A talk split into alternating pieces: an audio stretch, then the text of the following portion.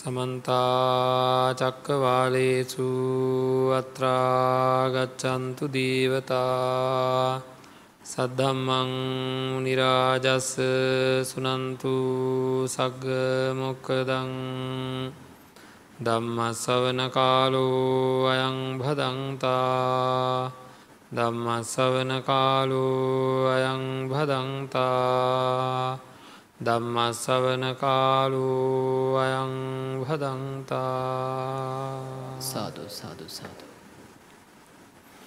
නමෝතස්ස භගවතු අරහතු සම්මා සම්බුද්ධස්ස නමෝතස්ස භගවතු අරහතු සම්මා සම්බුද්ධස්ස නමෝතස්ස භගවතු අරහතු සම්මා සම්බුද්ධස්ස සාධු සාධු සාධු.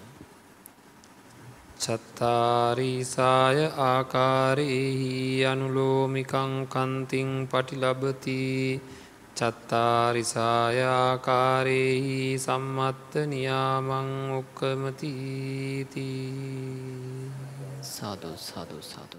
සද්ධා බුද්ධ සම්පන්න පිනත්නේ සම්මා සම්බුදුරජාණන් වහන්සේ දේශනා කරපු ආකාරයට අපේ ජීවිතය සකස් කර ගැනීම සඳහා අපේ මනසිකාරය සකස් කර ගැනීම සඳහා අපි අවශ්‍ය කරන සියලු වැඩ පිළිවෙල සකස් කර ගණ්ඩ ඕනේ.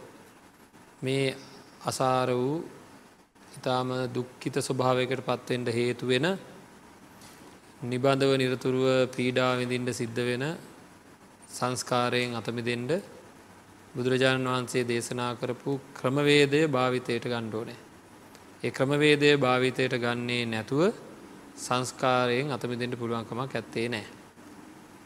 පංචුපාදානස් කන්දය පිළිබඳව ඇත්ත තත්ත්වය තේරුම් ගණ්ඩ ඒක පිරික් සණ්ඩෝනෑ. ඒක ඇත්ත තත්ත්වය විම සණ්ඩෝනෑ. විමසන්නේ නැතු ඒක ඇත්ත තත්ත්වය තේරෙන්නේ නෑ. පංචුපාදානස්කන්දයේ ඇත තත්ත්වය තෝරාගත්තේ නැත්තං අපිට හැමවෙලේම රත්වීම් දැවීම් පිච්චීම් ආදී වසයෙන් නොසන්සුකං අපේ සිත්වල හරියට අපහසුකං ඇති වෙනවා. එහෙ මේවා නැද්ද කියලා මේ වෙලාම හිතල බලන්ඩ ඕනේ. මං කැමති රූප මගේ ඇහැට පේන මානයෙන් මොහොතකට අයින් වෙද්දී. මං බොහෝ කැමති රූපතියනවා. ඒවා මගේ ඇහේ පේනමානයෙන් මොහොතකට අයින් වෙනකොට. මං කැමති ශබ්ද ගන්ධ රස ස්පර්ශ සහ ආදරයාදී ධර්ම මගේ ඉන්ද්‍රියන්වලට ගෝචර වෙන සීමාවෙන් මොහොතකට අයින් වෙනකොට මොකද වෙන්නේ. නේද ඇතුළ ඇතුළ දන ගතිය ඇතුළ රත්වෙන ගතිය ඇතුළ පිච්චෙන ගතිය ඒ ගතියෙන් පීඩාව තියෙනවද නැද්ද. එතකොට මම කැමති දේවල් මගේ ළඟ හැම වෙලේම තියාගණඩ පුළුවන්කම තියෙනවා. බෑ. එහෙනම් කොහොමත් අපි මේ ලෝකයේ තියෙන දේවල් එක්ක බැඳීමක් කියන එකක් තිවුණොත් නේද. ළඟ තියාගණඩ බෑ තිබ විදිහටම තියාගණඩ බෑගෙන වෙනස් වෙනවා කියන එකයි. එනම් බැඳීමක් කියන එකක් ඇතිකරගත්තේ වෙනස් වෙන දෙයක් එක්කයි. එනම් අනිවාර්ය දුකක් උරුම වෙනවද නැද්ද. අනිවාර්ය දුකක් උරුම වෙනවාමයි. ඉතින් එහෙනම් මේකෙන් අයින්වෙන්ඩ මේ හුඟක් තැන්වලද අපිට තියෙන ලොකු ගැටලුව තමයි බුදුරජාණන් වහන්සේ මේ දුක ගැන කතා කරේ යයි. නේද? මේ ඉතින් කාලබීල ඇඳල ඔන්න ඉන්න එක තියෙන මැරණකං නේද? පුළුවන් විදිහකට ඉන්න එක තියෙන මොකද මේ දුක් දුක් දුක්කි ඉන්නට වැඩි හොඳ නැද්ද? නේද? දුකයි දුකයි අයියෝ දුකයි එපා වෙනවා. මේක හරියන්නේ නද මැරෙනවනේ කියලා නද අහන්ඩ අමිහිරි දේවල් වගේ කැමවලේම ධර්මය තියෙන වග අපිට දැනෙනවා. ඒක අපි ධර්මයට කැමති නෑ ඕන් කෙටියෙන් කියනවන හෙම. නේද තරුණ ඇත්තෝ විශේෂෙන් ධර්මයට කැමති නෑ කැමති නැතිමකද ඕක මරණය ගැන කතා කරනවා අසුබේ ගැන කතා කරනවා දුක ගැන කතා කරනවා නේද ඒක හින්දා කැමති නෑ. බුදුරජාණන් වහන්සේ කතා කරේ ඕගේ අනිත් පැත්ත. සැප ගැනයි කතා කරේ. හරිද දුක් නැති කර ගැනීම ගැනයි කතා කරේ. හරි වැඩියෙන්ම කතා කරේ දුක් නැති කර ගැනීම ගැන. මේ බලන්ඩ මේ චත්තා චත්තාලී සාකාර භාවනාව ගැන සඳහන් කරනට හතලිස් ආකාරයක මෙනෙහි කිරීම මොකටද අනුලෝම ශාන්තිය පිණිසයි කියලයි සඳහන් වෙන්න.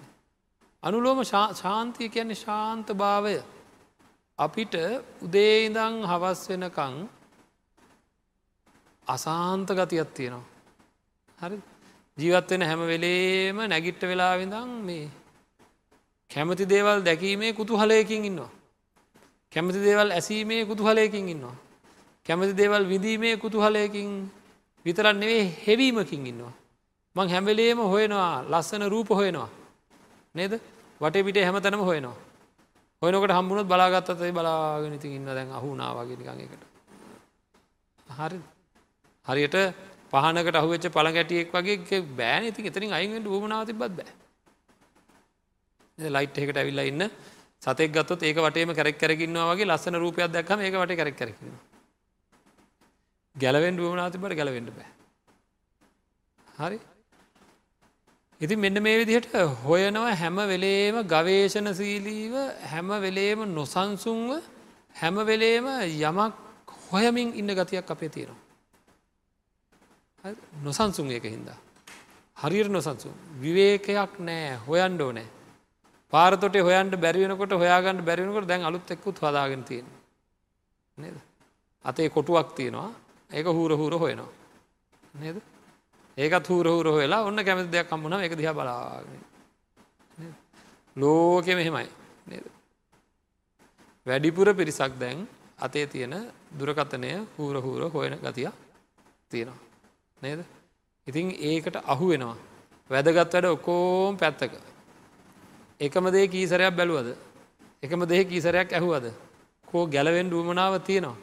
නෑ මම අදනං ආය මේ වැඩේ කරන්න නෑ කියල තීරණ ගත්ත වෙලාවල් ඇති ඕන තර.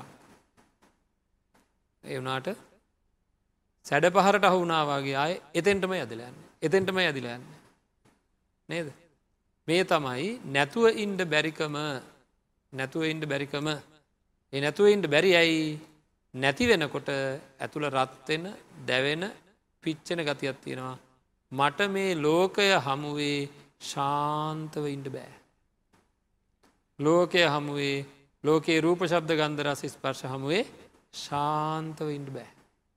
මගේ හිත ශාන්තව ඉන්ඩ ලෑස්ති නෑ. නේද?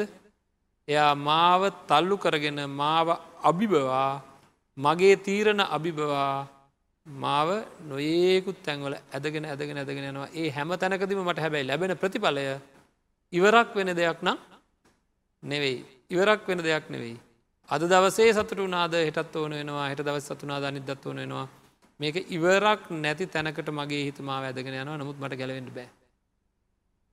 නේද. අන්න ඒ ගලවන්ඩ නං යම් කිසි ක්‍රමවේදයක අවශ්‍යතාවයක් තියෙනවා අපි පින්නත්න්නේ. හරි නිකම් බෑ කොහොල් ඇගුලිය කැලුණ වනත් ගැලවෙන්ඩ ක්‍රමයක් තියෙනවා එහෙම මෙහෙන් දැඟලුවට ගැලවෙන්ඩ බෑ. නේද ඒක ගලවන්ඩ කොහොල්ලෑවල ඇලෙන්නේ නැති මොනහරි දාණ්ඩෝන. නේද භූමිතෙල් හරි පොල්තෙල් හරි මොනහරි දාලා තමයි වැඩේ කරන්න ඕන නේද. ඒ වගේ ඇලෙන තැනට නොඇලෙන්ඩ නං මොනවාහරි ක්‍රමවේදයක් පාවිච්චි කරන්න ඕන. අපි ඇලෙන්නේ රූපයෙහි වේදනාවෙහි සංඥාවෙහි සංකාරයෙහි විඤ්ඥානයෙහි ගෙන පංචුපාදානස්කන්දෙයි. හරි ඔය ලස්සන රූපෝල ඇලෙනවා ලස්සන රූපෝල ඇලෙන්ඩ හේතුවෙන්නේ ලස්සන රූප දකිනකොට අපේ මේ ශරීරය කියන්නේ බෙර ගෙඩියක් වගේ. බෙරයක් කියන මොකද බෙරේට පොල්ලෙන් ගහනකොට තමයි කෝටුවෙන් ගහනකොට තමයි සද්දෙන්නේ. ඒ වගේ ඇහැට ලස්සන රූපයක් වදිනකොට උපදින පෙනීමේ දැනීමත් එක්ක සතුටක් උපදිනවා අපේ හිතේ. ඒක හැදන එකක්. ඒද සැපවේදනා හැදෙනවා අපේ සිතේ. අපේ ඉන්ද්‍රියන් අරමුණු ඉන්ද්‍රියන් වල සැපවේදන හැදෙනවා. ඒවගේම දුක්වේදන හැදෙනවා. ඉතිං දුක්වේදන හැදනට අපි කවුරුවත් කැමති නෑ සැපවේදන හැදෙනවට අපි ඒකින්ද හදාගණ්ඩ උත්සාහ කරන හැමිලේ. අන්න ඒ සැපවේදනාවෙහි තමයි මේ අලෙන්නේ එනං සැපවේදනා හදා ගණ්ඩ අපි උත්සාහයක් ගන්නවා අන්න ඒක තමයෝ සිද්ධ වෙන්නේ. ඉළඟට නොඒකුත් දෙවල් හඳුනා ගැනීම සිද්ධ වෙන ඒවට කෙනවා සංඥා කියලා මතක තියෙන දේවල්වලට අනුව මේක මේක මේක මේක මේක මේක කියලා හඳුනා ගන්නවා.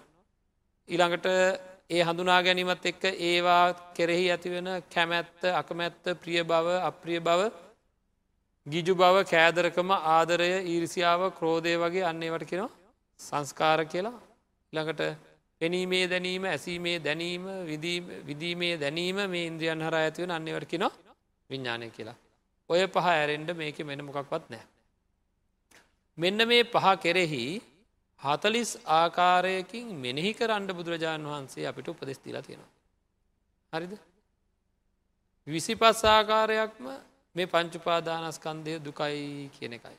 හතලිස් ආකාරයෙන් විසිපස් ආකාරයක්ම පංචුපාදානස්කන්දය දුකයි කියන එකයි පින්වත්නේ. හරිද? ඉළඟට පස්සාකාරයක් අනිත්‍යයි කියන ස්වභාවය. තකොට හතලිහෙන් විසි පස්සාකාරයක්ම දුකයි කියන ස්වභාවය පස්සාකාරයක් අනාත්මයි කියන ස්වභාවය දහආකාරයක් අනිත්‍යයි කියන ස්වභාවයෙන් මෙනෙහි කිරීමක් මෙනෙහි කරන්ඩ අපිට තියෙනවා මේ හතලිස් ආකාරයක මෙනෙහි කිරීමේ. එතකොට මේක පංචුපාදානස්කන්දයෙන් වැඩිවුණ හම ආකාර දෙසීයක් වෙනවා පහෙන් වැඩිුණ හම. හරි තින් ඇයි මෙහෙම මෙනෙහි කරන්න වෙලා තියෙන මේකින් එතකොට එකසිය විසි පහක්ම දුක්කානු පස්සන වැටෙන. හරි දැන් බලන්ඩ ඇයි අපිට මේ වගේ මෙනෙහි කිරීම්වල යෙදෙන්ඩ ඕනෑ? අපේ හිත හිමින් සැරේ. මේ දුක් සහිත දුක් ඇතිවෙන්ඩ හේතුවෙන මේ අපේම ලෝකයෙන් හිත විතරක් මුදවා ගණ්ඩ යෝනෑ බයවෙන්ට පා ළඟ ඉන්න ඉන්නවා. ඒකට්ටියක මේ අයිංගලා දුවන්ඩ නෙවේ මේ කියන්න. පිච්චෙන ගතිය රත්වෙන ගතිය දැවෙන ගතිය අපහසු ගතිය අරමුණකට යන්ට බැරි ගතිය තමන්ට අවසදේ කරගණඩ බැරි ගතිය ඔක්කෝම තින් මේ වෙන කොහෙටක්වත් බැඳලා තද වෙලා හිර වෙලා පිච්චෙන ගතිය හින්දා ආන්ගේ පිච්චන ගතිය නැති කරන්න අපේ හිත වෙනස් කරන්න ඕනෑ. මේ බලන්න පොඩ්ඩ. මට හැමදාම කෙනෙක්ව දකිින් නැතුව ඉන්න බැරි ස්වභාවයක් තියෙනවා. එක කාලෙකද මට එහෙම වෙලාදැ එහෙම ඉන්න කාලයක් කෙර තන්නඩු. ඒ කාලේ මතක් වෙනකොටත් පිච්චන ගතිය තියෙනවා. දැවන ගතිය තියෙනවා. රත්වෙන ගතිය තියෙනවා. ඉතින් මහන්සේලා යන්ඩෝන දකිින්ට. නේද. දැකල අනි පැත්ත හැරිලා එන්ඩ එනකොට පිච්චෙනවා අඩු වෙලාද. අඩු වෙලාද වැඩි වෙලාද? අය වැඩි වෙලා. එන ගිලතින් අඩු කරගන්නද වැඩි කරගන්නද? අපි දන්නේ නෑ පින්වත් ඒක හරිද? දුක් අඩු කර ගැනීම කියන එක අවශ්‍යයි අපිට. නමුත් අපි අතින් කෙරෙන්නේ දුක් වැඩි වෙන දේවල්මයි. ජරා මරණ ව්‍යාධි ආදියෙන් අයින්වීම ජාති ජරා මරණ ව්‍යාධි ආදියෙන් අයින්වීම ඕනෑ. අපි කැමති නෑ මැරණ එක මැරණවට කැමති නෑ. ව්‍යාධයට කැමති නෑ. ජරාවෙනවට කැමති නෑ. හරි? ඕනෑ. නමුත් අපි කරන්නෙම කර්ම රැස් කරන එක. ඒකෙන් වෙන්නෙම ජරාමරණ ව්‍යාදි නැවත නැවත ඇති වෙන එක.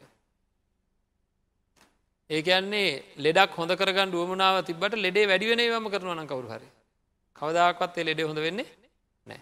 ඒකින්ද මෙන්න මේවාගෙන් අයින් වෙලා කටයුතු කරන්න අපේ හිත හිමීන් සැරේ මේ තියෙන උගුලෙන් ගලෝ ගන්නඩ උගුල කියන්නේ මොකක්ද අපිට මේ ලෝකේ අර මං ඉස්සලක වගේ සැඩ පහරකට අහුුණා වගේ තම පංචුපාදානස්කන්දට අහුුණොත්න ඉවර හරිද?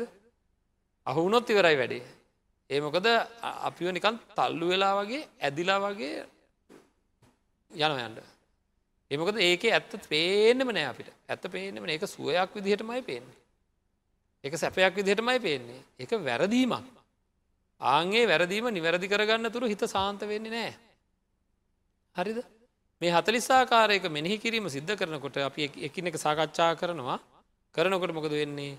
හිත ඒවාගෙන් අතමිදිලා ලෝකයේ අනිත් අය එරෙද්දී එරෙන් නැතුව අනිත් අය පිච්චෙද්දී පිච්චෙන් නැතුව අනිත් අය වැටෙද්දී වැටෙන් නැතුව අනිත් අය ගිලෙද්දී ගිලෙන් නැතුව ක්‍රමාණුකූලව මේ ව්‍යසනකාරී තැනින් හිත අතමුදවාගෙන සාන්තව හිතු පවත්ව ගණ්ඩ පුළුවන් තත්වකට පත්වෙනවා ඒකට කෙනවා අනුලෝම ශාන්තිය කියලා. මේක අත්විඳට පුළුවන් එකක්. ති අපි මේ හතලිස්සාකාරයක භාවනාව වර්ධනය කරොත් අනිවාරෙන් අත්විඳට පුළුවන් එක බුදු හාමුදුර දේශනා කළ තියන්ද. හරිද කෙනෙක් කියනවන මට සමාධිය නෑ මට මං ශාන්ත නෑ මං අදාන්තයි මම මම කලබලයි මට මම මෙහෙමයි කියලා අපි ඉතාම අසංවරවනං අපේ හිත තියෙන්නේ.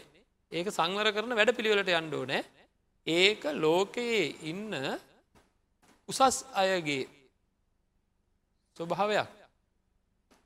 තමන් කැමති කැමතිදේ පසු පස්සේ පන්න පන්න පන්න පන්න ඒදේම ලබා ගැනීම සඳහා උත්සාහ ගනමින් පොර අල්ලන ගතිය අපේ විතරක් නෙවේ පින්නත්න ලැජ්ජාවට කාරණාවක් ඒක. තිරිසන් සත්තුන්ටත් තියෙනවා. නේද තිරිසන් සත්වයොත් බලන්ට සුනකයොත් පොකුරු ගැහෙනවා. සුනකයොත් මොකද කරන්නේ එද රාගාදී කෙලෙස් ධර්ම සඳහා මිනිස්සු කටයුතු කරන ආකාරයටම පොදි ගැහි ගැහි හඹාගෙන යනවා. එතකොට ඒ දේවල් හින්දා සුනකයොත් පොරල්ලනවා. නේද ඒ අයත් ඒවයින් යම් කිසි විින්දනයක් ලබනවා. එතකොට ඒක තේරුම මනුස්සයාට ලැබිලා තියෙන මේ උංචි හෝ ආස්වාදයක් තියෙනවන ඒ ආස්වාදය ලබන්ඩ පාගෙනක නෙවෙයි. ඒකද ජීවිතය අර්ථය. ඒකද ජීවිතය අර්ථය කියලා හිතන්න ඕන. ඉන් එහාගිය යමක් ඔය කියන අනුලෝම ශාන්තිය කියන තැනට පත්තෙන්ට මනුස්සයකුට ඕනෑ තරම් පුළුවන්කම තින එකට විශේෂ සුදුසුකමක් එකට විශේෂ පුුණ්්‍ය මහිමයක් ඒකට මහා විශේෂ සංසාරගත ලොකු කුසල් කරලා එන්ඩුන අනේ අපිට නං ඕක බෑ. අපිට ඉතින් කොහෙද ඒවා ඒවා බෝධිසත්වරුන්ගේ වැඩ කියලා. ඒකට මේ වෙනමම පේවිච්ච වෙනම පිරිසකට දේශනකරපය නහන බුදුරජාන් වස දේශන කර නොහ ඉස්සල්ලාම කාගෙන් හරි පින් ලත් කෙනෙද පින් නොලත් කෙනෙද කියලා බලාගන්න නේ දේකල භාවනාවට බහිනවා කියලා දේශනා කරයි. නෑ එහෙම එකක් නෑ. මහනෙන මම කුසලේ වඩන්ට කියනවා කුසලේ වඩන්ට කියනවා. ඇයි මං කුසල් වඩන්ට කියන්නේ? ඒක කරන්න පුළුවන් හින්දා බැයිනම් මම කරන්නේ මනුස ජීවිතයක් ලබාගෙන ඉන්න මේ අපි බුද්ධෝත්පාද කාලෙක ඉපදිලා ඉන්න අපි හෝම පින්වන්තය ඒකින්දා මේ තත්වට පත්තෙන්ට පුළුවන්කම තියෙනවා මම මේ ගැන පොඩ්ඩක් විස්තර කරන්නම් මේ ශාන්ත ස්වභාවයට පත්වීමේ තියෙන වටිනාකම කොච්චරද්ද කියල පින්නත්න අපිට වැරදිච්ච තැන නිවැරදි කර ගැනීම සඳහා. රූප ශබ්ද ගන්ධරස ස්පර්ශාදියෙන් අපි ලබාගන්නේ හිතේ සතුටක්ද නැද්ද. ඒවා ලැබීමෙන් අපේ සන්තාන ගතව ප්‍රීතියක් උපදිනවා. සතුටක් උපදිනවා. එහෙම නේද ඒ ඒකේ වසගේට නේ අපි ගිහිල තියෙන්නේ. දුරකතන එක පෑගානක් රැඳිලා ඉන්ඩ හේතු වෙලා තියෙන්නේ. කැමති දේ දිහා බලාගෙන ඉන්ඩ වෙලා තියෙන්නේ. කැමති අයත් එක්ක ආශ්‍රය කරන්න වෙලා තියෙන්නේ. කැමති දේවල් එකතු කරන්න වෙලා තියෙන ලෝකේ ඒ හැම දේකින්ම හිත සතුටු කර ගැනීමේ අරමුණේ. නමුත් මේක මේක හිස් වෙන ස්වභාවය බලන් හරි? බයිසිකලයක් ඕනෑ කියලා හිතනවා. එහෙම නන්තමයි මගේ හිතට සතුට ඇති වෙන්නේ කියලා කෙනෙ කල්පනා කරන අහවල් ජාතිය වාහනයක් ඕනෑ කියලා. මහන්සේලා මහන්සේලා දුක්විඳල දුක්විදලා ඒ ජාතිය වාහනයක් ලබා ගන්නවා. දැන් ටික දවසක් ගියා. දවසත් දෙකත් වුණක් ගියා. දැම්මොකද වැඩේ. වාහනේ නන් තියෙනවා. සතුට? සතුට තියෙනවද. ඔය එහෙනම් බලන්න මොකදේ වෙලා තියෙන. වාහනය දැන් තියෙනවා. දැන් සතුට? නෑ. එනම් වාහනයද සතුට හදල තියෙන වාහනේ සතුට හැදුවනං වාහනේ හිදමට හැමදාම සතුට තියෙන්ට ඕන. නේද?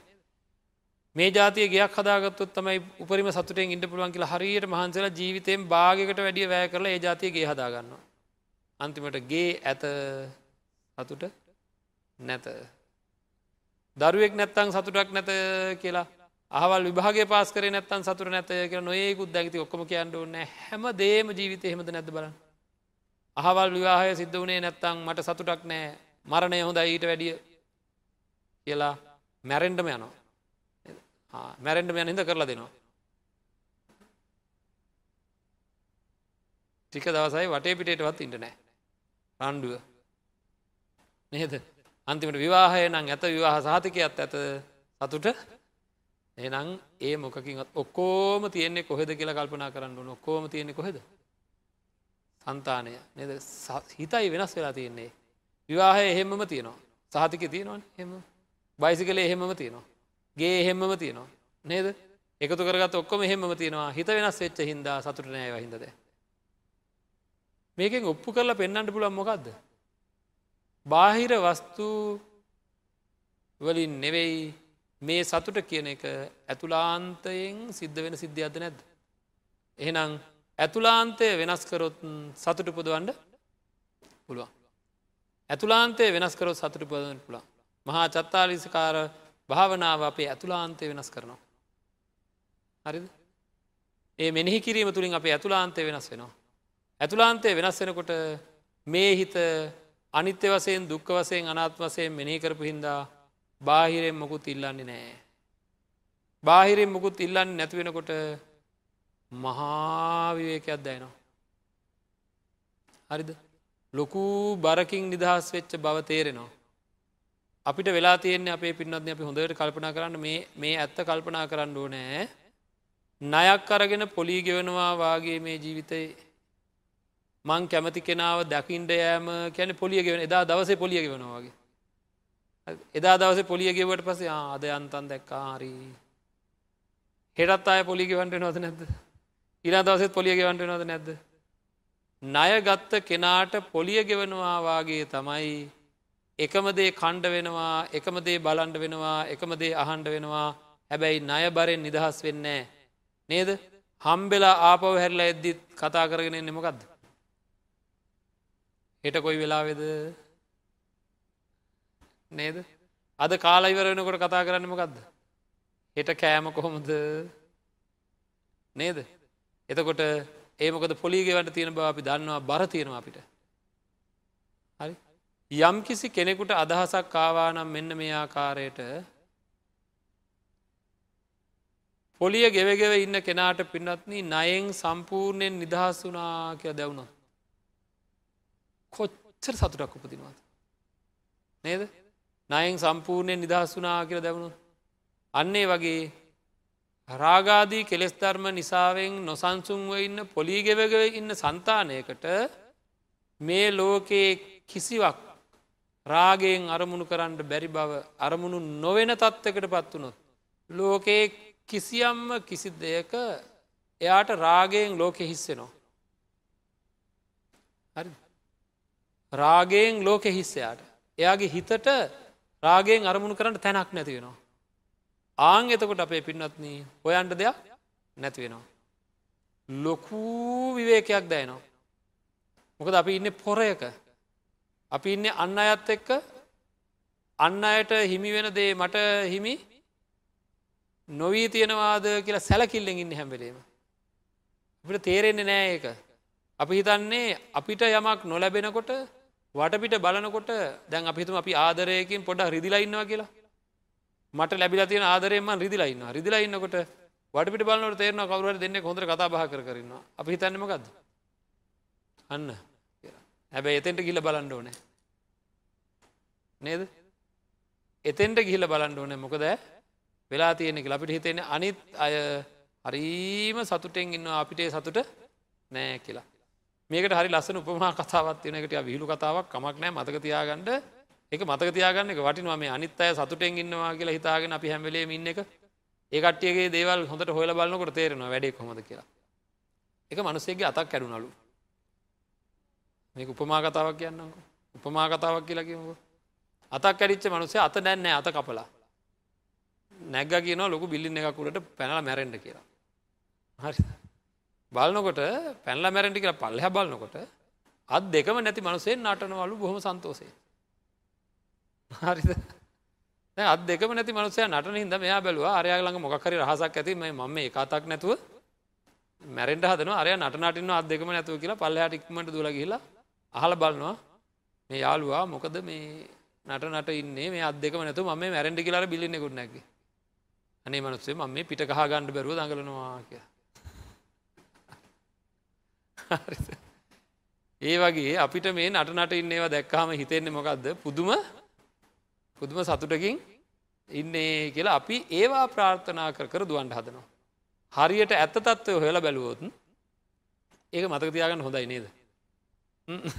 ඇත්ත තත්ව හොල බලොත් ඒ තැන්වල ඉටත් වැඩිය ලොකු දුක් ගොඩා ගොඩාක් තින ළඟාවෙන්ඩ යන ඉලක්කය තුළ දුක් නැද්ද කියලා හොයන්ඩෝ නෑ ඔළුව තියෙන මනුස්සෙක් ළඟාවෙන් ළඟා කරගණ්ඩ අදන ඉලක්කය නුවන තියෙනවනම්. මම මගේ ජීවිතය ළඟා කළ ගත යුතු ඉලක්කය දුක් නැති ඉලක්කයක් වෙන්ඩුවන. දුක් සහිත ඉලක්කයක් ළඟා කරගෙන මොකටද. නේද. ටික දවසකට විතරක් සැපලබාදන ඉලක්කයක් ළඟා කරගෙන මොකටද. මේ ජීවිතේ නැවත දුකට හේතු වෙන. ඉලක්කයකට ගිහිල්ලා මොකටද කියලා නුවන තියෙන මිනිසු කල්පනා කරනවා. හරිද. ගේනම් මගේ ජීවිත ඉලක්කය. ගෙවල් තියෙන මිනිස් ඔක්කම සන්තෝසයෙන් ඉන්නවාද. දරුවෙක් නම් මගේ මූලික ඉලක්කය. දරුව ඉන්න ඔක්කෝ මිනිසු සන්තෝසයෙන් ඉන්නවාද. ජනාධිපතිකම නම් මගේ ඉලක්කය. ලොකු එකට යංකෝ ජනාධිපති වරු ලෝකෙ ඉන්න සන්තෝසෙන්මද අන්න එතකොට අපිට මේ ලෝකයේ ඇත තත්ත්ව තේරෙනවා. එහෙම ඉහල එතකොට ඒවා එපා කියලද කියන්නේ? නෑ. ඒක මගේ දෙවනි ඉලක්කය වෙන්ඩෝ නෑ නේද? ඒක මගේ සාමාන්‍ය ඉලක්කයක් වෙන්න ඊට වැඩි එහාගේ ඉලක්කට ම යන්ඩෝ නෑ දුක් නැති වෙන ඉලක්කයකට. හරිද? හිත ශාන්ත වෙන ඉලක්කයට. ලෝකයේ හැම තැනම ලෝකයේ හැම තැනම වෙනස් වනත් ලෝකය කොපමන ආකාරය වෙනසකට භාජනය වනත් මේකේ දුකක් ඇති නොවෙන විදිර මේක හදාගත්තා නං එයා ජයග්‍රහකයෙක්ද නැද්ද? නේද? ආංගේ ශාන්ත භාවය යුදා කරගණ්ඩ ඕනේ. ඒ ශාන්ත භාවයටයි භාවනාව. එහෙම එකක් කරන්න පුළුවන් හින්දයි දේශනාව තියෙන මේ කරන්න පුළුවන් කියලා. හරි?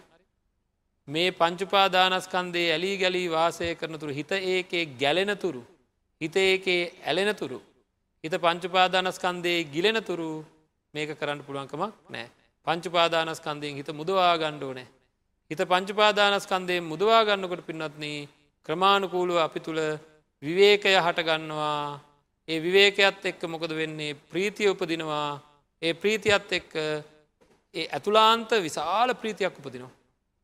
ඒ ප්‍රීතියත් එක්ක කය සංසිදෙනවා. හරිද එතකොට මහා සැපයක් උපදිනවා.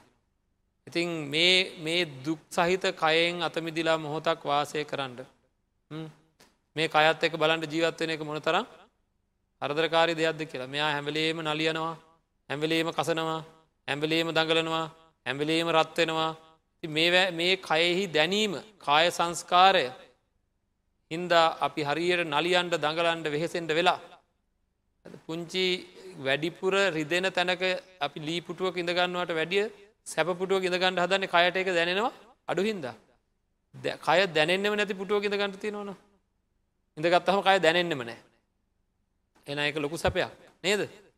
අන්නේ වගේ මේ අනුලෝම ශාන්තියෙන් උපදින ශාන්ත ස්වභාවය තුළ ප්‍රථම අධ්‍යාන දෘති අධ්‍යාන තුති අධ්‍යාන චතුත් අධ්‍යාන උපදින්ට හේතුවෙනවා. තිට්ට දම්ම සුක විහරණය කියලා මේ ජීවිතයේ ලැබිය හැකි සැපය කියලා බුදුරජාණන් වහන්සේ දේශනා කරේ නව සංඥානා සංඥායතනය දක්වා කොටසට. ඒක මේ ජීවිතය ලැබිය හැකි සැපය කියලා. ඉන් මෙහා සැපයක් ගැන බුදුරජාණන් වහන්සේ සඳහන් කරලා නෑ.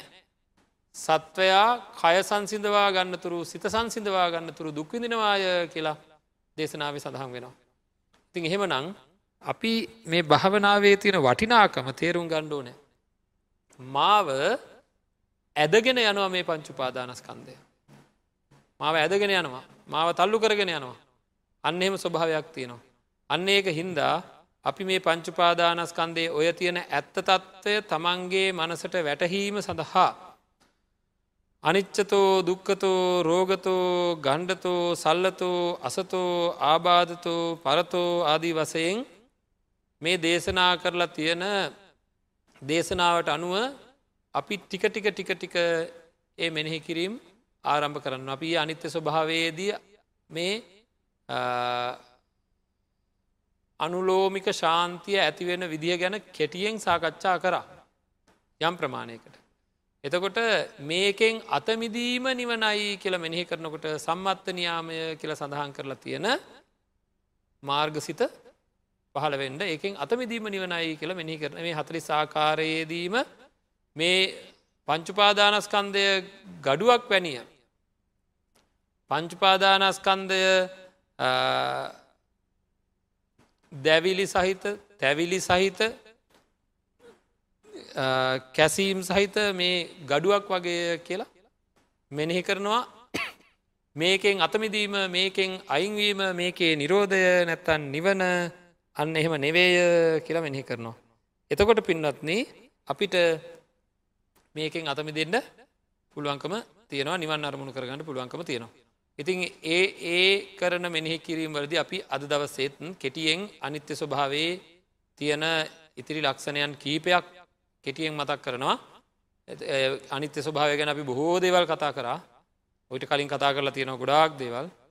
ති පංචුපාදානස්කන්දය තේරුම් ගණ්ඩුවන හැම්වෙලේ මේ කරන්න පෙරාතුව පංචුපාදානස්කන්දය කැන රූප වේදනා සංඥා සංකාර විඤ්ඥාන කියන ටිකයි. රූප කියලා කියන්නේ පටව්‍යාපෝ තේජෝවායෝලින් හැදිච්ච මේ අපේ ශරීරය. ශරීරය සහ අන්‍ය ශරීර. එතකොට වේදනා කියලා කියන්නේ මේ ශරීරයේ රූපෝල්ට අයිති නැතුව සිද්ධ වෙන තව දෙයක් වෙනවා. ඒ තමයි සැපවේදනා දුක්වේදනා අදුක් අසුක වේදනා වසයෙන් වේදනා හට ගන්නවා තැන් තැන්වල චක්කු සම්පස්සජ සෝත සම්පස්සජව ගහන සම්පස්සජව ජිව්‍යා සම්පස්සජව කාය සම්පස්සජව මනෝ සම්පස්සජව වේදනා හට ගන්නවා. ඉතින් ඒවා සමහරලාට සැප සමහරලාට දුක් සමහරලාවට සැපත් නැති දුකත් නැති ස්වභාවයක් තියෙන ඒවා. ඊළඟට ඒ දෙකටම අයිති නැති ඒ දෙකටම අයිති නැති සංඥා කියලා කියන්නේ අපේ ළඟ සිද්ධ වෙන ක්‍රියාවලියක් සංඥාව කියලා කියන්නේ. මෙතන තියෙන මේ මල් පොකුර දැක්කහම මල් කියලා හඳුන ගන්නවා මෙතන තියෙන මේ දැහැත් දැක්කහම බුලත් කියලා හඳුන ගන්නවා මේ එක එක දේවල් පින්වත්න අපේ අපේ සිත හඳුනාගන්න ස්වභාවය තියෙනවා. අන්නේ හඳුනා ගැනීමේ සිද්ධියට කියනවා සංඥාව කියලා. අම්ම කියනකොට අම්මාව අඳුනගන්නවා එතකොට ඒ අඳුනා ගැනීම නෙවෙයි අම්ම කියනකට අම්ම කරේ ආදරයක් ඇතිවෙනවා ප්‍රියභාවයක් ඇතිවෙනවා අප්‍රියභාවයක් ඇතිවෙනවා සමහර වස්තුූන් දකිද්දි නේද අන්නේ ප්‍රියභාවය අප්‍රියභාවය ගිජුභාවය කෑදරභාවය ආදි වසයෙන් අපේ හිතේ ඇතිවෙන සැකසීම් වලට කියනවා සංස්කාර කියලා. වේදනා සංඥා ඇරෙන්ඩ අනිකුත් සියලු චෛතසික ධර්මයන් ටික වැටෙන්නේ මෙන්න මේ සංස්කාර ගොන්නටයි. එතකොට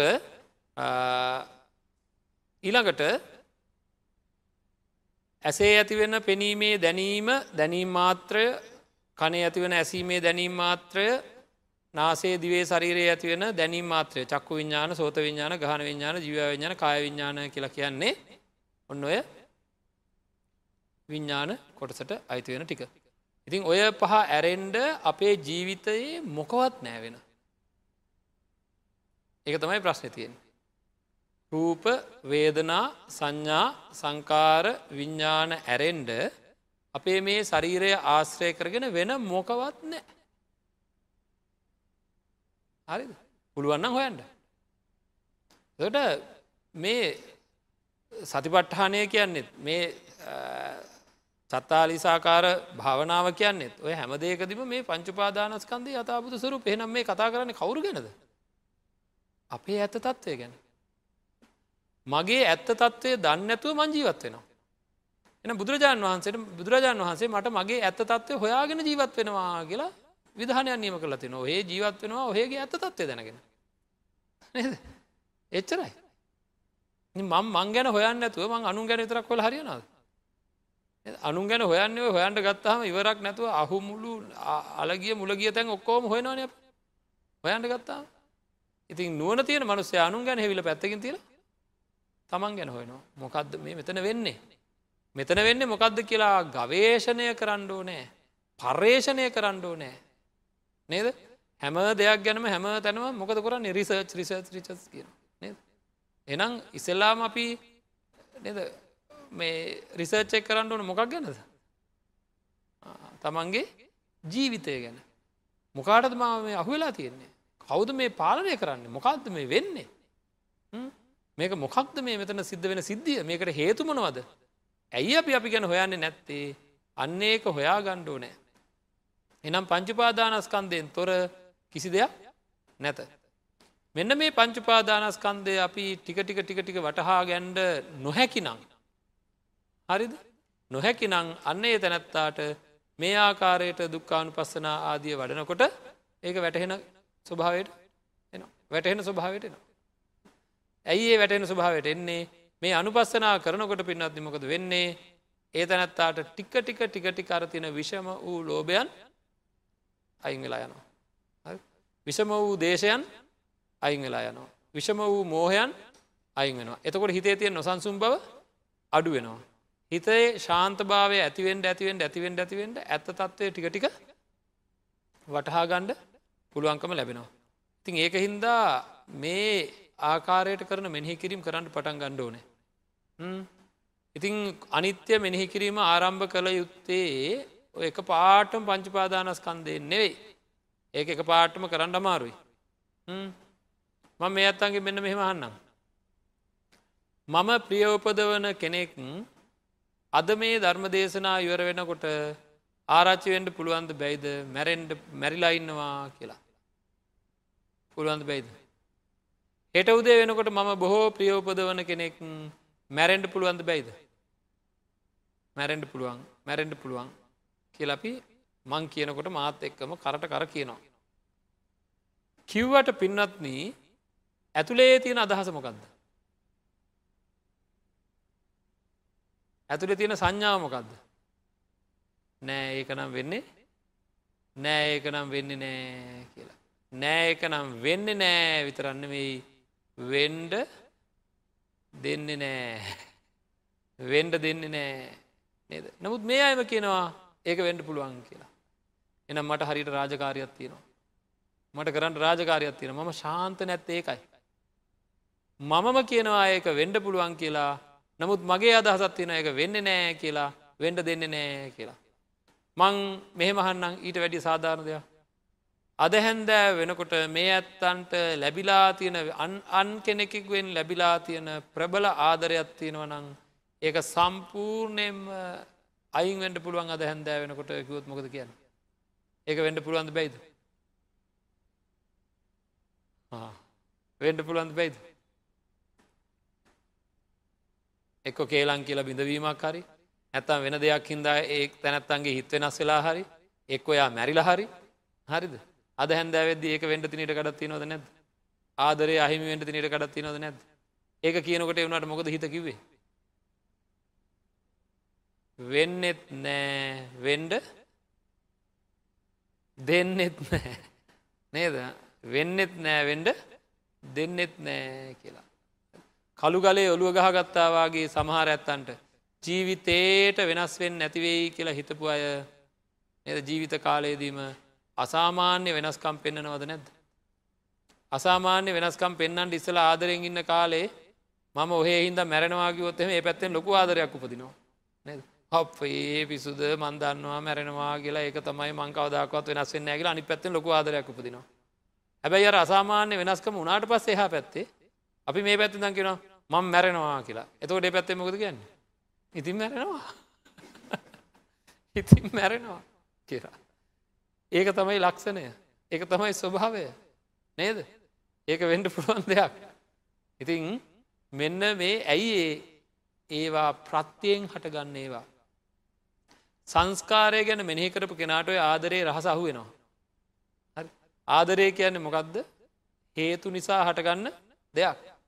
අම්මා කෙරෙහි දරුවාට පොඩි කාලෙ කොච්චර ආදරය තිබුණත් ටික ටික අම්මා කෙරෙහි තියෙන ආදරය සංගීතයට යනකොට ක්‍රීඩාවට යනකොට වෙනත් දේවල් වලට යනකොට විවාහ වෙන කාලය එනකොට ඒ ආදරය අඩුවෙන්නේ වෙනත් පැත්තකින් හේතු එන හින්දා.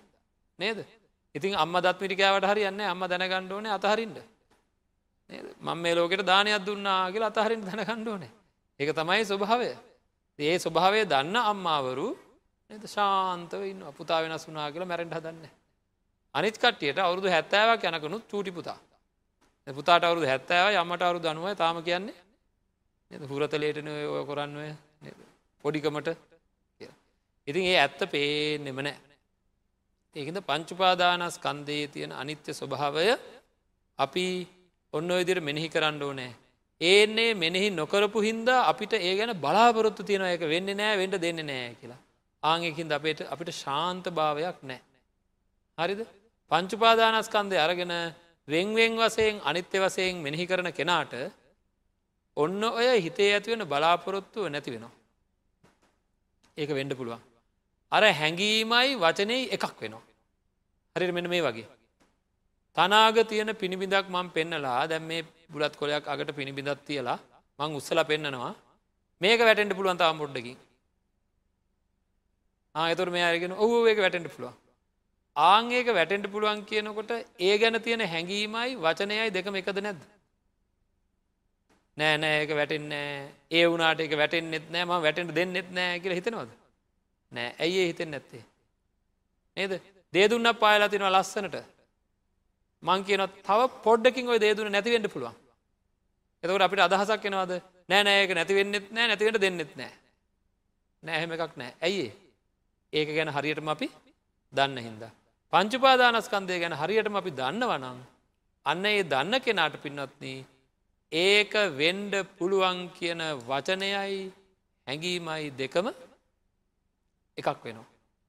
හරිද දැන් කියනවා වෙන්ඩ පුළුවන් අනිත්‍යය අනිත්‍යය කියෙන එවනට යටින් තියෙන්නේ නිත්‍ය සංඥා නිත්‍ය සංඥා තියෙනවා.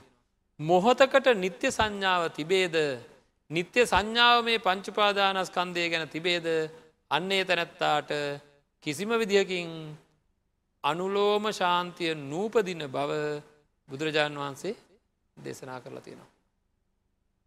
හරිද අනුලෝම ශාන්තිය නූපදින බව සම්මා සම්බුදුරජාණන් වහන්සේ දේශනා කරලා තියෙනවා. අනුලෝම ශාන්තිය විතරක් නෙවෙයි අනුලෝම ශාන්තිය නූපදිනවා නං සම්මත්ත නියාමය කියෙන මාර්ගසිත උපදින්නේ නැති බව දේශනා කරලා තියෙනවා. හරිද මේ සූත්‍රය මම ඒ එක පැහැදිලි කරා. එහෙනම් එහෙනම් අපිට මේක මෙනෙහි කිරීම් කරලා අපේ හිත අනිත්‍ය ස්වභාවය හැම නිමේෂයකම තමන්ගේ හිතෙන් නැගෙන විදියට ඉතිං ඉන්නතුව මෙහි කරන්නුවන අපි ජීවිතයේ අනිත්‍යය මෙහි කරනවා. අවුරදු ගනන්වලට බෙදලා මෙහි කරනවා ගිය අවුරුද්ධ තිබදේ මේ අවුරුද්ධ නෑගල හෙම මෙහි කරනවා. ඉටවස මාසෙන් මාසට මෙහි කරනවා ගිය මාස තිබදේ දැන්න මේ විදිර මෙහි කරනවා. සතියෙන් සතිය වෙනස් වෙන හැටි මෙහි කරනවා. හැමදේ වෙනස් වෙලා සම්පූර්ණය වෙනස් වෙන හැටි මෙහි කරනවා. පිළිගන්ඩ අපේ හිත පිළිගන්න තුරු ගිය සතිය තිබ දෙවල්නේ මේ සතිය තියෙන්නේ කියලා පිළිගන්න තුරු මෙහි කරනවා. ඉටපස දවසෙන් දවස වෙනස්වීම මෙහි කරනවා. පැයම් පෑ වෙනස්වීම මෙහි කරනවා තමන්ගේ සහ අනුන්ගේ වසයෙන් පංචුපාදානස්කන්ධය අරගෙන. හරිද මේ විදිහට මොහොතින් මොහොත වෙනස් වෙන බව දැනෙන තුරු තමන්ගේ සහ අනුන්ගේ වසේ අනිත්‍ය ස්වභාවය වෙනස් වෙන ස්වභාවය මෙනෙහි කරන්න ඕන. එහෙම මෙනෙහි කරපුහාම අපිට අතීත අත්දැකීම වර්තමානය අනාගතය සිද්ධ වෙන සිද්ධි ටික අනිත්‍ය ස්වභාවයයි කියලා අදහසක් අර වචනය විතරක් නෙවේ හැඟීමෙන්ම දැනෙනවා වෙනස් වෙනවා මේ හැම දෙයක්ම කියලා. ආන්ගේ වෙනස් වෙන දේ තුළ අපේ හිත බැඳෙන්නේ නෑ ආන්ගේ වෙනස් වෙන දේ තුළ අපේ හිත වෙනස්වීම දැනගෙන වෙනස් වෙන බව දැනගෙන ජීවත් වෙන හැම නිමේශයකම. ඒකත් එක්ක අධිකතර වූ බලාපොරොත්තු ඇති වෙන්නේ නෑ. නොසන්සුම් වෙන්නේ නෑ. අන්නේ නොසන්සුම් භාවය ඇතිවෙන්නේ නැතුව ඉතින් හොඳට ජීවත් වෙනවා. දන්නවා. හැම දේ වෙනස් වෙන බව හොඳට දන්නවා. ඉතින් එන්න ඒ සඳහා අවශ්‍ය කරන පෙළ ගැහීම සිද්ධ කරගණ්ඩ ඕන. ඒකිද අනිච්චතෝ ආකාරයට මේ පංචුපාදානස්කන්දය මෙනෙහි කරලා අපිට මේ පංචුපාදානස්කන්දයෙන් අතමි දෙෙන්ට පුළුවන්කම තියෙනවා. හරි ඉතින් අද සම්පූර්ණ විස්තරයක් අප සිද්ධ කරේ. දැන් අපි මෙතනින් හාට එකින් එක එකන දුක්කතෝ රෝගතෝ ගණ්ඩතෝ ආදි වසයෙන් එකින් එක ටික ටික සාකච්ඡා කරගෙන යනවා. අද දවසේ අපි මේ පිළිබඳව අද දවසේ තිය දවසෙත් භාවිතා කරේ මෙච්චර විස්තර කරන්න වෙන්න හැම එකක්ම. මූලික විස්තර කිරීම් වලදී මේ වගේ විස්තර කරන්න සිද්ධ වෙනවා. ති අද දවසේත් අපි මේ ධර්ම දේශනාව මේ අත්තන්ට ශ්‍රවණය කරන්න අවශ්‍ය කරන දායකත්වය ලබා දුන්නේ මේ මැදිරියේ වාසය කරන පිරිස. ඒ අයගේ දායකත්වයෙන් නිවෙස්වලට වෙලා ධර්මය ශ්‍රවණය කරපු අයට ඒ ධර්මය ශ්‍රවණය කරන්න ලොකූ අවස්ථාවක් ලබන මුළු ලෝකවාසී ලංකාවාසී බෞද්ධ ඇත්තන්ගේ සිත් සතන්වලට ධර්මය අරගෙන යන්ට මේ මැදිරියේ වාසය කරන පිරිස පින්වන්ත පිරිස විශාල දායකත්වයක් ලබා දුන්නා. ඉතින් ඇත්ව බොහෝම විශාල පිනක් සිද්ධ කරගත්තා. අපි හැම දෙනම් ප්‍රාර්ථනා කරමු. බණ කියලා බණ අහලා අපේ තුළ යම් කිසි කුසල ධර්මයක් උපදුනා නගේ සියලු දේ මේ පින්වන්ත පිරිසට උතුම් අවබෝධය සඳහාම හේතුවේවා අපි තුළ ජනතුනාව සියල පුුණ ශක්තිය අනුමෝදන් වේවා කියල ප්‍රාර්ථනා කරමු. ආකා සට්ටාච බුම්මට්ටා දේවානාගා මහිද්දිකා පුඤ්ඥන්තන් අනුමෝදිත්වා චිරංරක්කං තුසාසනං චිරංරක්කං තු දේශනං චිරංරක්කං තුමං පරංතිී